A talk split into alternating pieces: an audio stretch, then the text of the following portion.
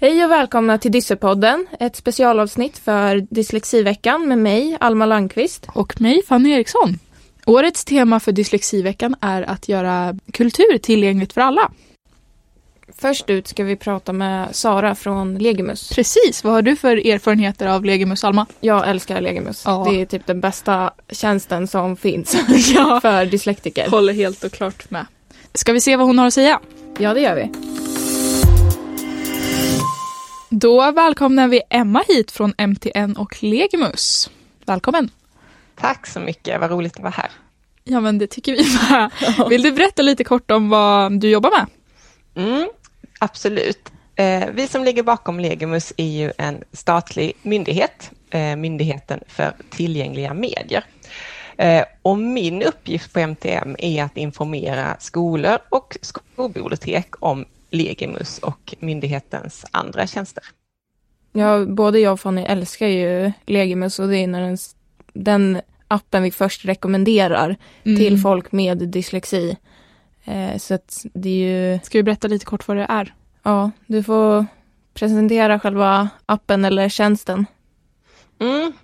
Eh, jag börjar så här, att vi på eh, myndigheten har ett uppdrag från regeringen att göra litteratur tillgänglig för alla som har svårt att läsa trycktext. Och det kan ju vara för att man har dyslexi, men man kan, det kan också vara att man har en synnedsättning eller koncentrationssvårigheter eller något annat. Och då gör vi talböcker av tryckta böcker.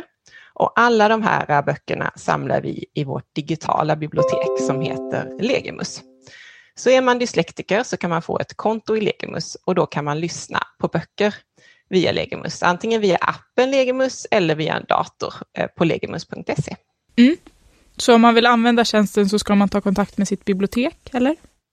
Precis, man går till sitt bibliotek för det är bibliotekarier som kan registrera nya låntagare i Legimus. Mm. Så antingen skolbiblioteket eller folkbiblioteket där man bor. Och Och, det är också biblioteket som visar hur det funkar och om man behöver hjälp sen så går man också eh, till biblioteket. Det är ju en av tjänsterna som vi har fått ha med oss liksom hela livet. Att den gick liksom inte ut när vi slutade skolan utan vi kommer få använda den ja, men hur mycket vi vill hela livet. Vilket är väldigt bra, tycker vi. Ja, precis. Det är så det är tänkt, att den ska verkligen följa med en, en hela livet, både i skolan och på fritiden. Mm. Men man måste ha en diagnos för att få tillgång till Legimus eller kan man få det på något annat sätt? Man behöver inte ha en diagnos, men det är ändå viktigt att komma ihåg att Legimus är inte för alla, utan det är för de personer som har svårt att läsa tryckt text. Och det står i upphovsrättslagen, alltså den lagen som reglerar att vi får göra talböcker, att det bara får användas av personer med en läsnedsättning. Men upplever man att det är kämpigt att läsa tryckt text så tycker jag absolut att man ska testa att lyssna istället. Och då går man till sitt bibliotek och bibliotekarien kommer inte fråga efter någon diagnos eller intyg. Däremot så behöver man ha med sig sin vårdnadshavare om man är under 18 år. Mm. Så det är typ tillgängligt för alla som har det svårt med läsning. Ja, absolut. Vad bra. Eh, jag har ju upplevt att alla böcker som jag har sökt efter finns där. Men annars, vilk, alltså vilka typer av böcker finns och hur väljer man vad som ska finnas? Eh, vad, vad roligt att höra att du tycker att det, det finns mycket böcker, för vi tycker också att vi har ett väldigt stort utbud. Vi har över 100 000 talböcker och varje år så gör vi 3 509 ungefär. Och vi strävar efter att det ska vara ungefär samma böcker som finns på ett fysiskt bibliotek, så att det finns liksom, ska finnas något för alla, eh, så att säga. Eh, för vi ser det ju som ett bibliotek för de som hellre läser med öronen än ögonen. Mm. Eh, och jag ska också säga att nästan alla nya talböcker görs med både text och tal, så att man, kan, man får texten och om det finns bilder på sin skärm och sen följer den med, eh, får man texten uppläst samtidigt som den följer med i texten på skärmen. Ja, det är ju superbra för just dyslektiker för då kan man ju träna på att läsa och lära sig mer när man kan följa med och Få tydligare lyssna. ordbilder. Ja, precis. Så det är ju superbra. Men om böcker inte finns på Legimus, vad, vad gör man då? Eh, Då går man till ett bibliotek och säger att man önskar en bok till Legimus. Och så skickar biblioteket ett önskemål till oss och vi gör nästan alla böcker som det kommer önskemål på. Så vi, vill gärna ha önskemål, så vi uppmanar alla läsare att önska de böckerna som man saknar. Ja, det vet jag att jag gjorde när jag gick på, eh, på gymnasiet och vi skulle läsa någon bok som inte fanns och då tipsade jag om det. Så att kanske jag har varit med och bidragit till en där. ja, precis. Eh, jag hade ett problem med Legimus. Eh, mm. jag är inte jättebra på att stava. Och när man loggar in så ska man skriva sitt för och efternamn. Så jag råkade stava fel på mitt efternamn i ett halvår. så jag kom inte in på Legimus. Eh, så jag undrar om ni har tänkt på att utveckla den funktionen, att man kan komma in på något annat sätt om man just då har dyslexi och har svårt att stava. Eh, om det finns något annat sätt man kan komma in på tjänsten. Jag tror att det är en sån syn som man inte har tänkt på. Ja, just inloggningssätt. Eh, alltså vi vill ju gärna utveckla tjänsten hela tiden, så all sån här eh, feedback vill vi gärna ha till oss på MTM såklart. Eh, så jobbar vi på att det ska bli, bli enklare. Och samma sak där med stavningen i sökfältet vet jag att vissa har problem när de mm. söker böcker, att den är lite känslig mot stavfel och det är något som vi eh, just nu jobbar rätt hårt på att utveckla, att det ska bli lättare att söka. Mm. Så att den eh, inte är så känslig för stavfel. Men bra input där med inloggningen också. Mm. Ja, jag hade ju då lite problem, men mina föräldrar har inte dyslexi, så de insåg det efter ett halvår. Eh, så då kunde jag fortsätta lyssna. Det var ju väldigt bra. Eh, och sen en annan sak som jag vet, eh, i alla fall jag har haft problem med, är eh, hörseln. Och då är man ganska känslig mot typ S-ljud eller sådana hårda. Så hur väljer man röster för att folk ska vilja lyssna? Ja, vi har eh, en rad olika företag som vi anlitar som sköter inläsningen åt oss. Men däremot så får vi röstprov på alla som ska bli inläsare, så vi godkänner alla inläsare. Eh, så att just om man har sådana synpunkter med S-ljud och sånt, det är också jättebra att höra av sig till oss på MTM och säga att det här är, är jag känslig för. Och så kan vi tänka på det när vi väljer inläsare. Ja, det är ju verkligen superbra. Mm. Eh. För det vet jag så här att många dyslexitjänster har ju varit jobbigt med att det är så här Siri-röster eller liksom någon halvknackig upplösare som man bara så här, ja vad spelar det för roll om jag kan lyssna om jag får lyssna på det här när jag ändå inte fattar liksom. Mm. Men jag tycker att det har varit ganska bra på Legimus att man kan söka efter personen man vill lyssna på mm. som har läst in. Mm. Eh, så det har ju varit väldigt härligt. Ja. Kul att höra. Har du något mer du vill tillägga Emma? Eh, har jag något mer jag vill tillägga? Nej, det var, det var roligt att, att prata med er och ja, höra detsamma. att ni själva använder Legimus. Ja. Det är jag väldigt glad för. Kortfattat då så tar man kontakt med sitt bibliotek om man vill komma i kontakt med tjänsten. Ja, ja. precis. Absolut, och önska böcker ni saknar. Eh, men kan man välja hastighet på hur snabbt personen ska läsa? Det kan man göra. Man kan välja eh, från 50 procent av den eh, inlästa hastigheten till upp till 300 procent. Så det kan gå väldigt, väldigt fort.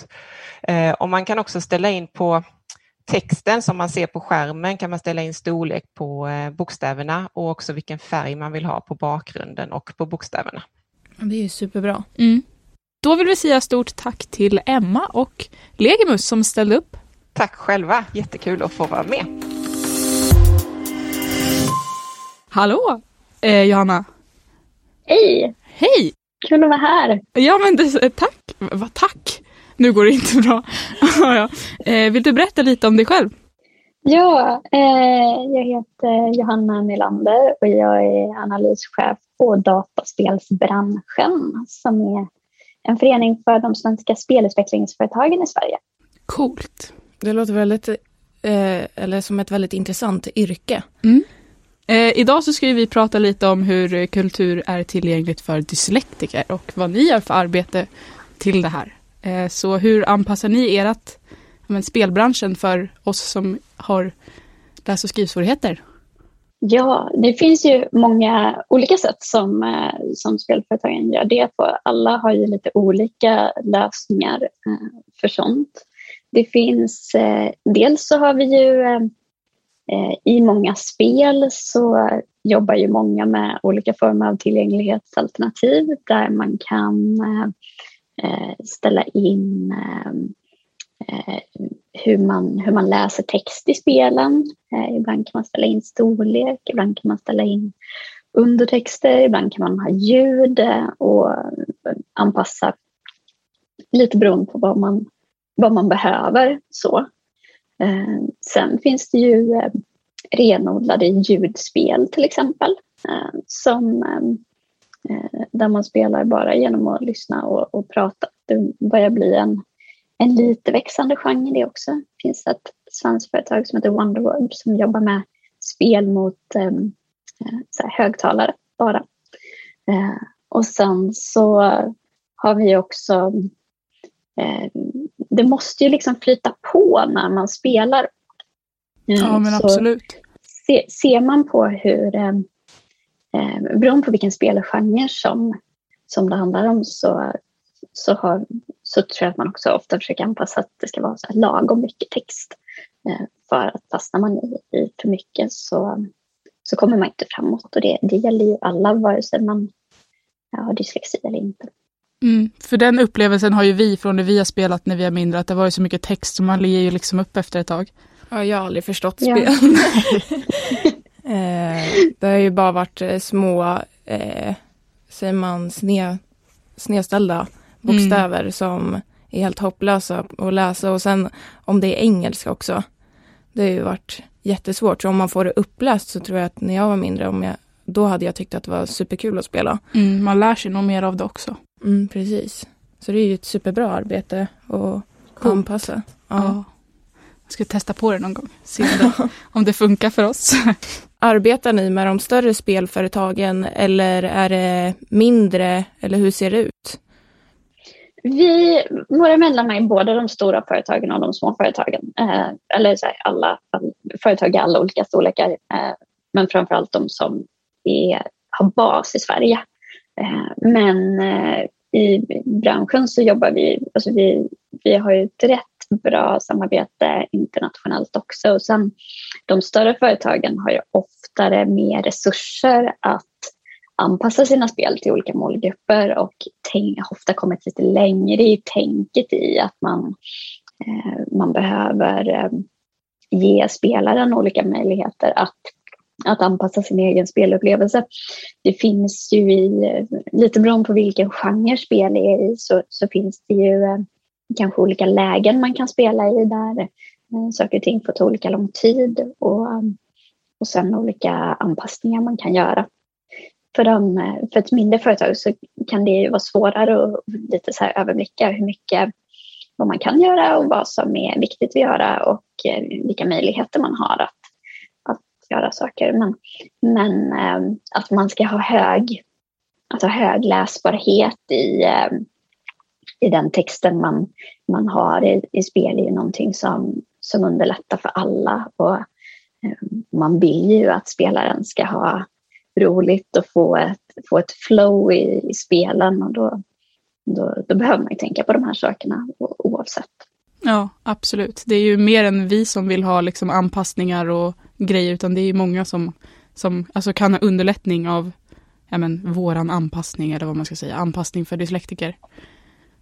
Ja, absolut. Eh, och sen finns det ju eh, det finns ju, alltså om ett spel bara är tillräckligt kul också så finns det ju lite så forskning som pekar på att det, det ibland kan vara lite lättare att läsa i, i spelen eh, böcker för att man tänker inte på texten på samma sätt om det, om det är lagom mycket.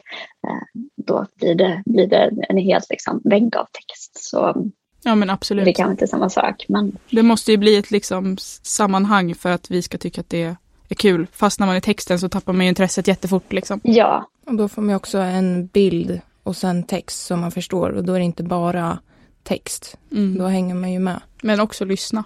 Mm, precis. precis. Mycket ljud och grejer. Det är ja. coolt. Och jag, jag, jag, tror ju också att det finns, alltså att man, man kommer, um, att man blir bättre på det här. Alltså, jag tror att väldigt många som som spelar läser väldigt, väldigt mycket mer text i slutändan än vad man kanske tänker på att man gör um, under ett spels gång. Ja men så kan det absolut vara.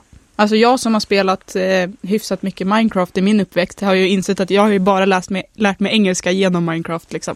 Jag kan alla de där svåra orden för liksom stege och massa sådana där som man bara kan på grund av det liksom. Men vad kul. Ja.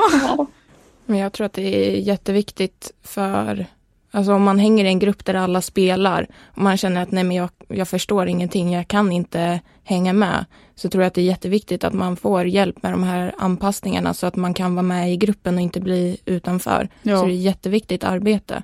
Men man kanske inte ser det om man inte har dyslexi och de problemen.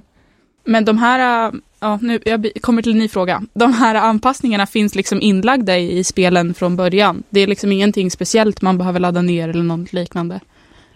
Alltså oftast så är det så att, eh, att man kan anpassa i där man, där man anpassar kontroller eh, eller eh, andra saker i spelet. Att man, eh, jag menar man, eh, att till exempel kunna få undertexter på olika språk, att eh, de är olika stora, men också om eh, Sen är det ju lite beroende på vilket spel så, så får man ju oftast så fort man får en textruta så har man ju oftast tid på sig att läsa den eh, och mycket pausas under tiden. Men det, det beror ju också på vad det är för typ av Ja, spel det handlar om. det är väl ofta så att man klickar vidare, alltså när man har läst klart till exempel. Precis. Ja, Och det är ju för att man räknar med att olika människor tar olika lång tid på sig att läsa.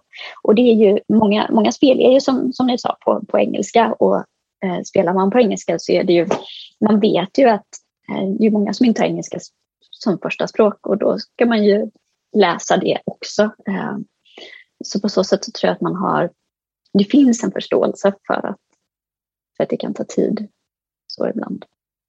känner du dig nöjd Alma? Ja, jag är nog nöjd med frågorna. Eh, om det inte var något mer från Johanna.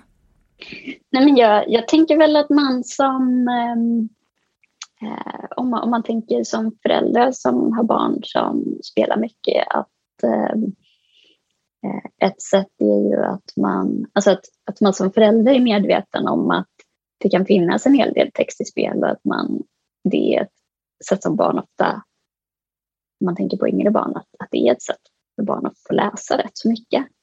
Eh, Men att man kanske behöver sitta med och hjälpa till ibland. Ja men absolut, det är ett roligt sätt att lära sig också liksom. Som man kanske inte riktigt tänker på i vanliga fall. Ja, och att, att man kanske heller inte tänker på att, så här, eh, att det är mycket. Eller att, det är en, att det är en form av lästräning i spelen. Nej, det är Mm. absolut viktigt att säga.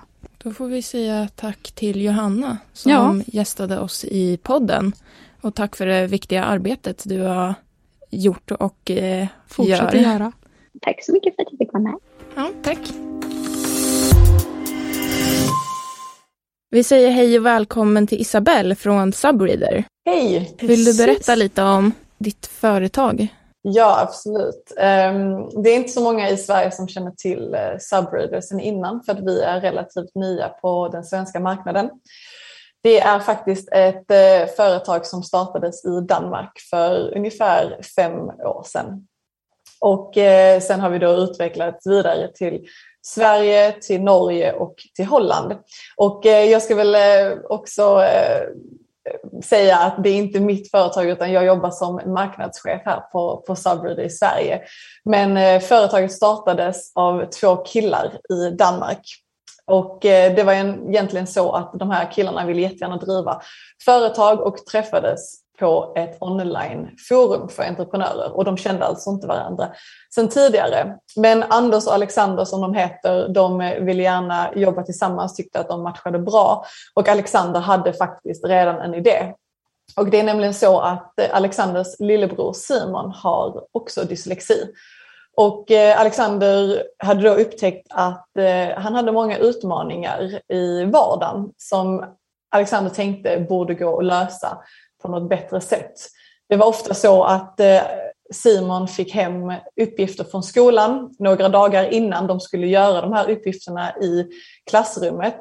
För att till exempel om de skulle se film så skulle Simon och Alexanders mamma då kunna sitta och läsa upp undertexterna och förklara vad som hände i filmen för Simon så han skulle kunna göra uppgifterna.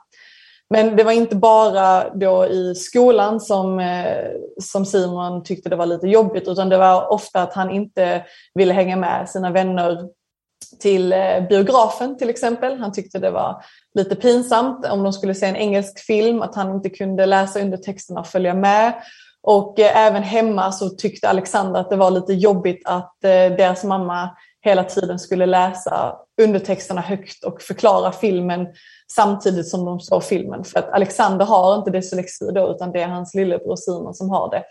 Och eh, då tänkte de, ja men eh, ska vi se vad det finns för möjligheter med teknologin som har utvecklats så mycket och eh, kom då fram till att ehm, det kunde eh, göras via en app. Så Subreader erbjuder då upplästa undertexter till filmer och serier via en app. Och det innebär då alltså att man kan lyssna till undertexterna istället för att läsa dem. Och eh, kort och gott, om det också är lite svårt att förstå, så, så betyder det väl att eh, man helt enkelt kan säga att vi dubbar eh, filmerna till det språket som man vill lyssna till. Så det är lite kort om, om vem Subreader är och vad, vad vi gör. Coolt, alltså det är verkligen en anpassning för oss dyslektiker. Ja, det är verkligen ja. superbra. Ja. Eh, jag, vi är ju ganska gamla nu tänkte jag säga, men det är vi inte. eh, så vi har ju lärt oss hyfsat bra engelska och kan lyssna på det. Mm. Men typ om det är andra språk, som en av mina favoritfilmer är ju på franska. Och då kan man ju liksom äntligen eh, se på den och förstå och inte bara läsa kroppsspråk. Så det är ju superbra. Faktiskt förstå vad som sägs. Och jag tror att tanken med Subreader var att göra underhållning tillgängligt för alla och att det då inte bara gäller, alltså nu, fokus var väl dyslexi från början men vi har efteråt insett att det här gäller även för eh, personer med språkstörning och synnedsättning till exempel. Men även då äldre personer som tycker att undertexterna går alldeles för snabbt. Eller barn som eh, inte har lärt sig läsa tillräckligt snabbt och inte heller förstår engelska ännu. Så att efter att appen ehm, började eh, existera så har vi liksom lärt mycket längs vägen att det finns många användningsområden just för, för att lyssna istället för att läsa. Ja men absolut, många är ju bättre på att lyssna än på att läsa och det känner vi ju själva oss verkligen, vad säger man? Igen i oss. Ja, igen. Ja, precis. Gud, jag kan inte, kan inte ens prata. Nej, jag har aldrig hunnit läsa undertexterna. Så det här, den här appen, om jag hade haft den när jag var mindre så hade jag ju nog älskat det. Mm. Eh, och kunna lyssna på det istället för att försöka inläsa varannat ord och inte förstå någonting av filmen. Ja, ja och vi hoppas ju att med en sån här app eh, så, så ska man också kunna vara lite mer självständig. Att man inte ska behöva ha någon som sitter bredvid en och förklarar eller att man känner att det är svårt att gå i biografen till exempel. Mm. För att man inte kan gå dit själv utan man måste ha någon som hela tiden viskar lite i örat. Nu, nu sa han det här och nu, det här betyder det här och, och sådär. Så att på det sättet även skapa den självständigheten. Ja, men det fungerar på alla plattformar liksom? Både på bio, på streamingtjänster och liknande? Yes, så eh, sub, en annan tanke med Subreader och det som vi blickar eh, framåt mot är att Subreader ska, ska vara en samlingsplats för, för tillgänglig film. Alltså du ska kunna se film, oavsett var du ser film så ska det var tillgängligt. Och eh, det gör att vi, vi har tre ben vi står på kan man säga. En där vi fokuserar på skolan, där det handlar primärt om utbildningsfilm, dokumentärfilmer och liknande. Och eh, sen har vi även då hemanvändningen som är till stora streamingtjänster som Netflix, Viaplay, Amazon Prime, Disney Plus och, eh, och liknande. Där vi då även erbjuder ehm, gratis användning om man ser via till exempel Cineasterna som är en streamingtjänst som finns via bibliotek. Så att eh, därför har man även en möjlighet att både betala för, för Subreader och, och få eh, det gratis på, på vissa plattformar. Och sen har vi då biografen som, eh, där biograferna själva köper in en licens. Så har man en biograf nära sig som, som erbjuder Subreader så kan man gå dit gratis och använda det också. Och just nu finns vi ungefär 120 biografer i Sverige, Danmark och Holland. Coolt. Ja, det är ju superbra just att man försöker hjälpa till i skolan också. För jag kommer ihåg i år så skulle vi lära oss om religion. Och så var filmen på, vad var det, indiska eller någonting. Och vi förstod ju ingenting. Och vi sa till läraren bara, eh, det här funkar ju inte riktigt.